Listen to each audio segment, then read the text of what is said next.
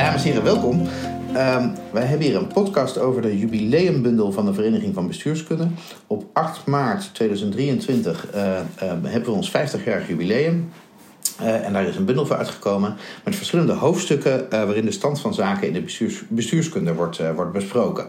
Wij hebben een reeks interviews met mensen uit het bestuur om de vraag te stellen: Goh, bestuurder, heeft u, er daar, heeft u daar nu wat aan? Uh, we bespreken op dit moment het hoofdstuk Beleidsvorming en uitvoering, kloof of samenspel, van Nicolette van Gestel en Bernard Ter Haar. En we praten met Perry Hurkmans en zij is gemeentesecretaris in de gemeente Bernhezen, afgestudeerd bestuurskundige in 2006 aan de Eur bij Arthur Ringeling. Uh, en Perry, als ik je vragen mag, ja, had je hier nou eigenlijk wat aan, aan dit hoofdstuk? Uh, nou ja, eigenlijk wel. Want ik moet zeggen, het hoofdstuk was voor mij wel een beetje een feest van herkenning. En tegelijkertijd is dat dan ook een beetje treurig. dat het bij mij herkenning oproept. Want inderdaad, in de tijd dat ik nog bestuurskunde studeerde, toen was, dat, was die kloof al, daar werd al over gesproken. En dan denk ik, goh, nou ja, 15, bijna 16 jaar later hebben we het er nog steeds over. Dus blijkbaar is het toch wel lastig om die, om die kloof te dichten. En ik herken dat ook wel vanuit mijn praktijk als, als gemeentesecretaris. Zowel vanuit uh, zeg maar, taken of beleidsthema's die vanuit het Rijk gedecentraliseerd worden richting gemeentes. Maar ook binnen gemeentes zelf zie je nog wel eens een kloof tussen beleid en uitvoering. Kan je daar wat over zeggen? Wat voor, wat voor kloven tussen, tussen Rijk en gemeente kom je bijvoorbeeld tegen? Ja, nou, dat heeft dan ook wel een beetje met, met differentiatie uh, te maken. Ja, een heel pregnant voorbeeld vind ik uh, decentralisatie van het sociaal domein en dan met name de WMO. in 2015 is dat allemaal gedecentraliseerd vanuit het Rijk richting gemeentes. Met daarbij de boodschap: jullie hebben heel veel beleidsruimtes. En, uh, dus je kunt differentiëren. En vervolgens mm. wordt er een abonnementstarief van 19,50 euro uh, opgelegd vanuit het Rijk. Ja. Waarmee de ruimte om te differentiëren juist weer wordt, uh, wordt beknot, om het zo maar even oh, te ja, zeggen. Weg. Ja, ja. ja, ja, en, en daar hebben gemeentes heel veel last van. Want uh, nu bestaat toch het gevoel dat uh, zeg maar de hulp bij de huishouding, waarvoor dat abonnementstarief uh, geldt, niet altijd bij de juiste mensen terecht komt. Nee, nee. namelijk met de mensen, maar ook bij de mensen met een wat bredere portemonnee, die dat misschien ook zelf zouden kunnen bekostigen. misschien tegen... ook zelfs wel zouden willen, maar, maar ja. eigenlijk niet meer kunnen, zeg maar, door dit, dit standaard tarief. Inderdaad, inderdaad. Nou ja, een ander voorbeeld vind ik, en dat, dat is dan juist de differentiëren waar je dat misschien niet zou, zou willen. Dat heeft te maken met, met de woondeals en het hele woningbouwbeleid. Het is een opgave voor iedere gemeente. En alle gemeentes hebben het er heel moeilijk mee. Uh, en nu worden juist door hele individuele subsidies aan gemeentes te verstrekken, wordt er gedifferentieerd waarbij het. Uh, ja, volgens mij is dat meer een belemmering om gezamenlijk als land ja. zo'n woningbouwopgave aan te kunnen, dan uh, dat het uh, heel erg gaat helpen daarbij.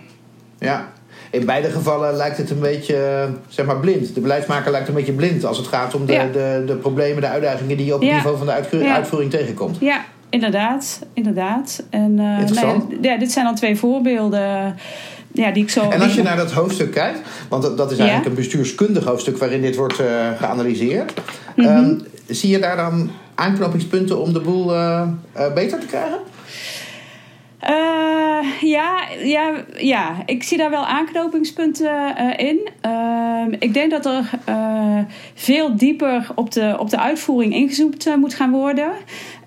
In het hoofdstuk wordt ook terecht geconcludeerd van ja, we hebben eigenlijk allemaal, zowel in de praktijk, maar ook wij bestuurskundige wetenschappers, te veel aandacht voor het beleid en te weinig wat er nou precies in die uitvoering gebeurt. En hoe een, iemand, een, een street-level bureaucrat, zal ik maar even zeggen, hoe dat hij zijn of haar besluiten neemt om wel of iets niet te doen.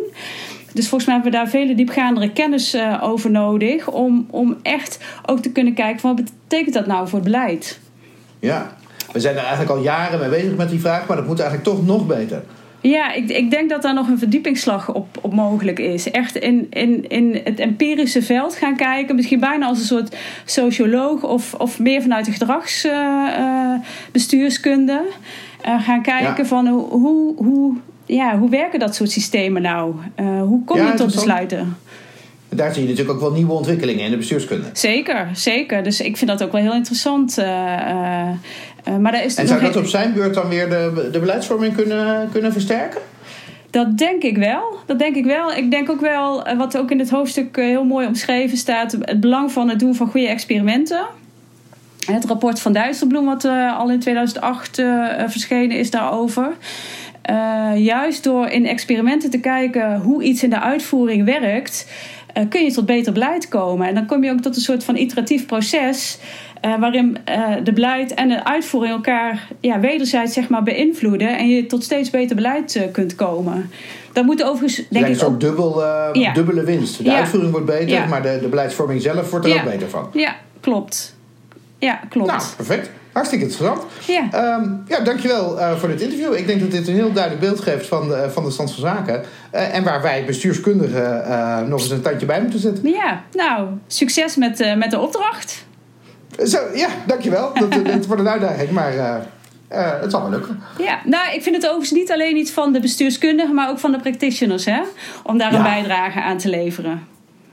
En dat is weer het mooie van de Vereniging voor Bestuurskunde. Bestuurders Juist. en bestuurskundigen Juist. Uh, praten daar met elkaar. Ja.